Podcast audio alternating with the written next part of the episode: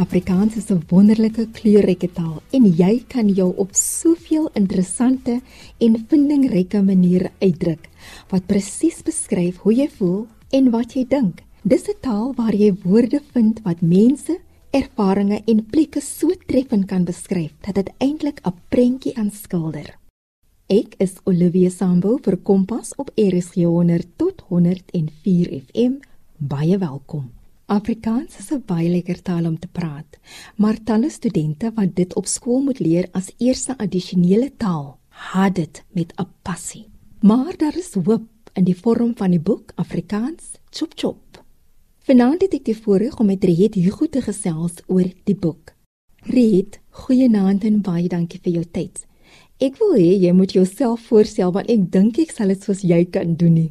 Dis Riet. As jy vir my sê Rita, dan dink ek terug aan my vreeslike maarbene toe ek klein was en dit is 'n vreeslike ongelukkige gedagte. So Riet, dit is eintlik Mariet. Ek's Anna Mariet, maar my kinders noem my Ma en my vriende noem my Riet. Engelse mense vind dit blykbaar 'n verskriklike moeilike naam. Ek was daar al alles en met my van en die feit dat ek nie kan sing nie, was ek nou al Rina Hugo en Rita Hugo en Riata Hugo en Henrietta enige ding behalwe Riet. Dis werklik 'n voorreg om saam met jou te kan gesels oor iets wat duidelik baie na in jou hart lê, Afrikaans. Vertel my van die boek Afrikaans Chop Chop.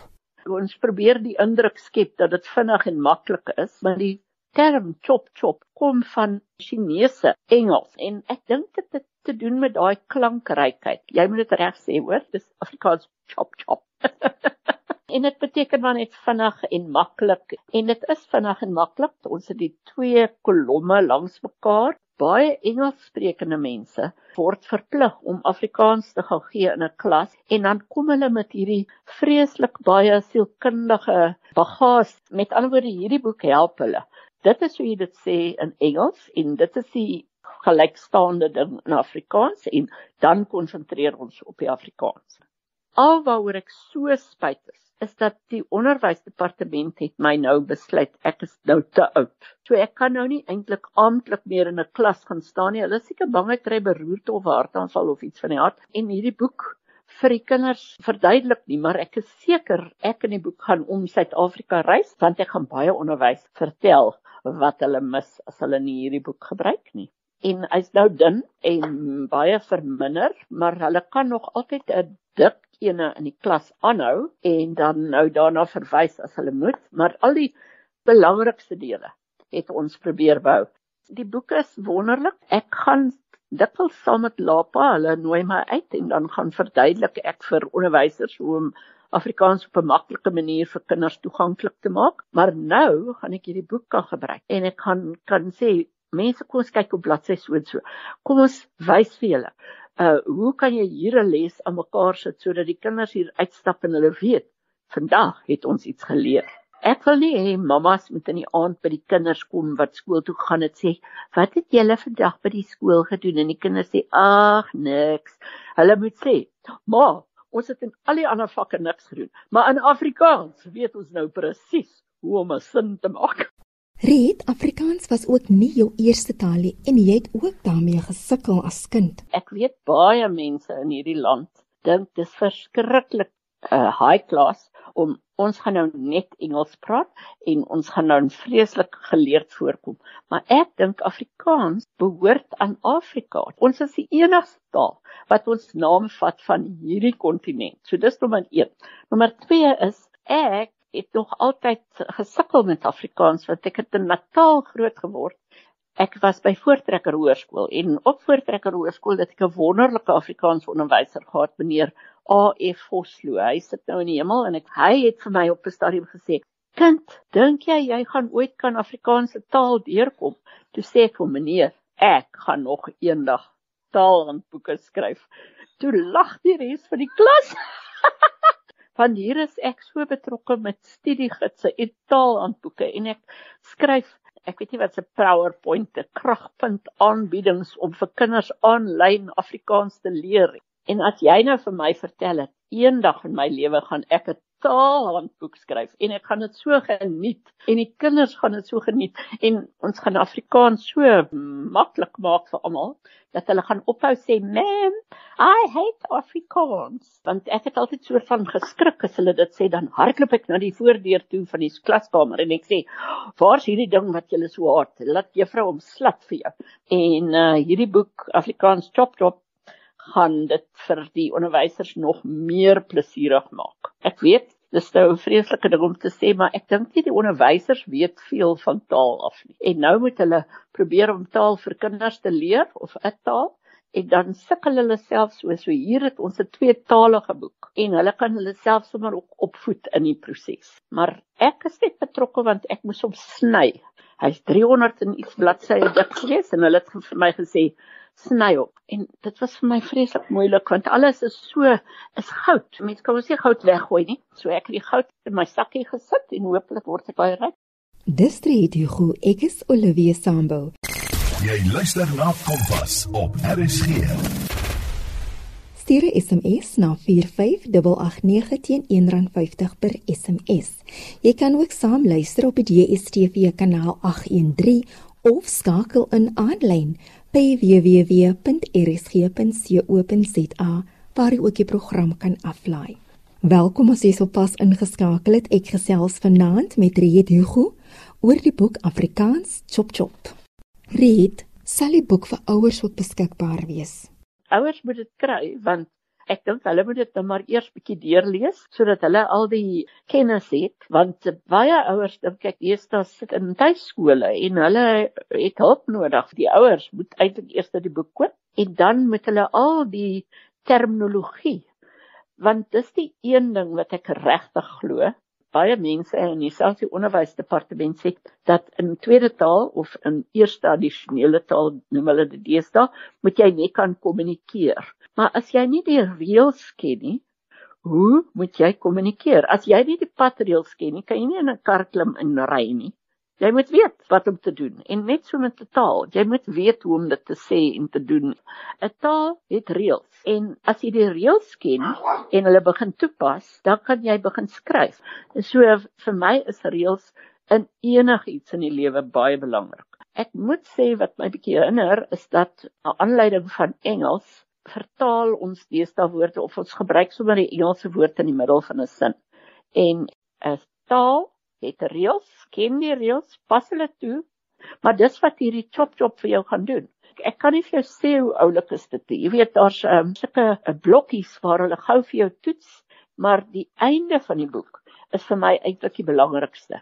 Daar's byvoorbeeld elke liewe soort opstel wat jy maar kan hoop om te skryf. Onthou nou, eerste addisionele taalkinders skryf net verhalende en beskrywende opstelle. As hulle baie slim is, dan kan hulle byvoorbeeld kom by argumenterende of bespiegelende. Maar, maar, hoe skryf jy 'n opstel wat 'n storie vertel wat so interessant is dat jy 'n A gaan kry? Jy gebruik hierdie boek om vir jou te verduidelik wat gebeur met 'n werkwoord in Afrikaans. Die haat wat baie kinders teenoor Afrikaans voel, het soms begin omdat 'n onderwyser vir hulle nie die nodige leiding gegee het nie of omdat 'n onderwyser hulle nie die nodige ondersteuning in die klaskamer gegee het nie. Ja, baie beslis. Ek stem absoluut saam met jou. Ek weet ook dat baie onderwysers kan vreeslike dinge aan jou doen en hulle is die grootste boelies wat daar is. Onderwyser is 'n boelie uit die aard van sy saak want hy staan voor in die klas en jy moet stil bly en jy moet vir hom luister. Ongelukkig is dit so.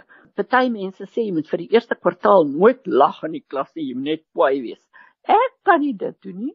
Ek het gesê luister, hier is die wonderlikste kans wat ek het om julle as mense te leer ken.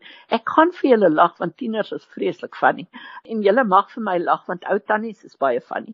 Maar ek sê maar kom ons doen dit saam en kom ons gaan op hierdie reis en dis 'n ontdekkingsreis en aan die einde van hierdie jaar gaan ek huil as jy hier wegstap want ek is so geheg aan daai kinders en jy moet jouself toelaat om van hulle te hou. So wat ek altyd gedoen het, hulle skryf vir my 'n opstelletjie en ek sien dit na en ek gee hulle 10% meer as wat hulle verlede jaar in 'n ding gekry het.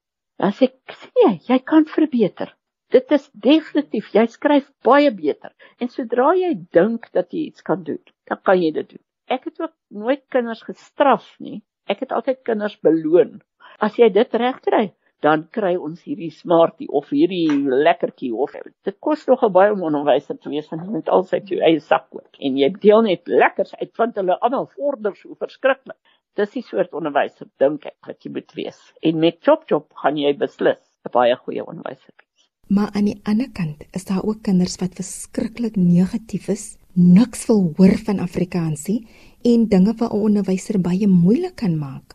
Absoluut. Ek sê altyd vir mense vir ekstra lesse, sê ek as jy die regte houding het, gee ek vir jou gratis een klas. Maar as jy uh, hier inkom met die houding en jy wil dit nie doen nie en jy sit dikbek en ek kan jou lip vaskap op die tafel met 'n duimspyker want jy haat dit so baie, dan gaan ek jou R1000 'n les vra en dis net 'n halfuur. ek het altyd gesê elkeen het 'n boksie gekry, dan sit ek die boksie daar buite met sy naam op, dan het ek gesê, "Oké, okay, wat ek jou wil hê, jy moet daar binne in gaan sit." Is jou slegte houding, jou anti-houding, jou gevoel van, "Nee, ek wil nie dit doen nie en ek hoor dit en my ma sê ek moet dit doen." Ek sê Afrikaans is die enigste vak wat jy inkom met 30%, jy kan uitgaan met 90% en dink net wat dit aan jou gemiddeld gaan doen. En dis die minste moeite want jy het nie regtig 'n brein nodig nie. Jy kan praat, jy is slim genoeg om Engels te praat en Engels is baie moeiliker as as Afrikaans. So ek kan jou help.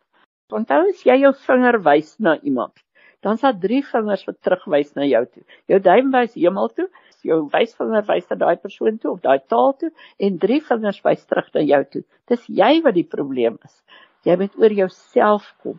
Jy moet jou eie beperkings besef. Jy moet sê, "Goed, ek weet nie iets daarvan nie, maar sal jy my help sodat ek wel iets daarvan weet?" En dan kan ons eers begin. En ek nooi kinders om te kom deel wees van 'n verbeeldingsreis in 'n ander taal. Dit was Rehits Hugo van Kaapstad wat gesels het oor die boek Afrikaans Chop Chop. Die boek is nog nie beskikbaar op die rakke nie, maar wees gerus op die uitkyk daarvoor by uitgesoekte boekwinkels. Verlede jaar was emosioneel en finansiëel uitmergelend. Vir ouers en kinders was dit 'n geweldige aanpassing toe kinders nie meer kon skool toe gaan nie weens die inperking. Ashley Strydom is 15 jaar oud en woon in Groenkloof in Pretoria. Ek het met haar gesels om uit te vind hoe sy verlede jaar aangepas het toe die wêreld tot stilstand gekom het en sy nie meer skool toe kon gaan nie. Hallo Ashley, baie dankie vir jou tyd. Hoe het jy die inperkings verlede jaar oorleef? Dit was my baie moeilik, maar ek het vir myself mikpunte gemaak oor wat ek kan doen terwyl die lockdown aan was en wat ek kan doen as die lockdown klaar is wat my baie gedryf het om hard te werk en om positief te wees. Ashley, baie kinders het die lockdown as een lang vakansie beskou. Wat het vir jou aangespoor om hard te leer? Ek my geself sê as ek net by die huis gaan kan bly, dan kan ek maar net sowel baie hard werk sodat ek voor in my klasse kan wees en goed kan doen in my eksamens en maar net 'n sterker band met my familie maak. In die begin was dit vir my baie moeilik. Ek kon my perd nie gaan sien nie. Jy mag natuurlik nie vir jou vriende kuier nie, so ek was baie alleen. En toe eendag het ek net besluit ek moet iets doen. Ek kan nie net so bly nie. En toe gaan ek en ek kry 'n stuk papier en ek skryf alles neer wat ek wil doen. Vertel my van jou familie want ek kan die liefde in jou stem hoor as jy van hulle praat. My familie is baie groot. My boetie het al klaar 'n dogtertjie en sy's amper 2 jaar oud en sy is baie oulik. Ek is baie lief vir haar. En dan het ek ook my sussie en sy trou op die einde van die jaar en nog 'n boetie saam met nog 'n dogtertjie. Ek is die laaste lammetjie. Ek moet vir jou vra oor jou diere. En dan sommer kan jy ook vir my raad gee oor watter dier sal die beste wees om vir 'n kind te gee. Ek het 5 hasies, 1 voël, 1 kat en 3 honde. As alles alles op 'n vol tyd spandeer, dan dink ek nie 'n kat is 'n goeie idee nie want die katte hardloop nogals weg, maar haas is 'n baie goeie idee tannie. Dis is 'n hond, maar hy blaf nie. Haase, hulle lewe ook net so 6 jaar, so dis nie so lank soos 'n kat of 'n hond nie, maar is ook nie so kort soos 'n hamster wat net so 2 jaar leef nie.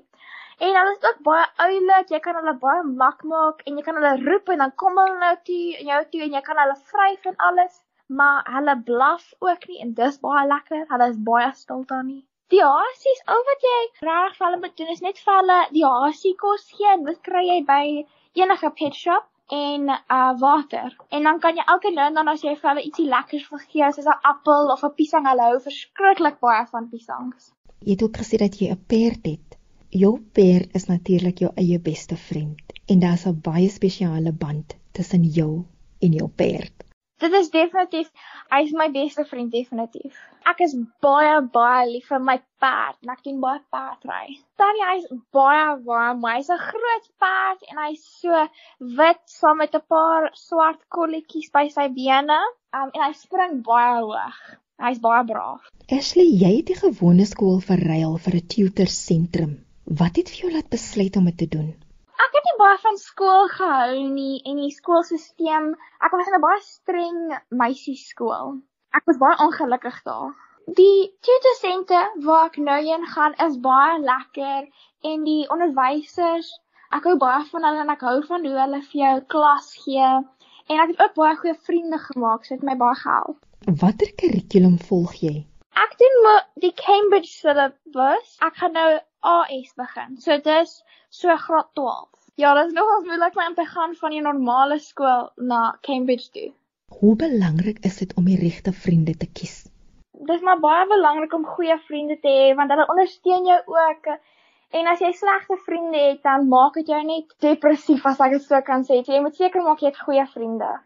Wat laat jou stres? Ek stres maar oor goed soos skoolwerk baie. Ek wil baie goed doen in skool want ek wil eintlik 'n veearts word en jy moet mos baie hoë punte hê. So ek stres nogals daaroor en um ek stres maar as ek as op die skool gaan met my pad dan stres ek altyd wat ons goed doen.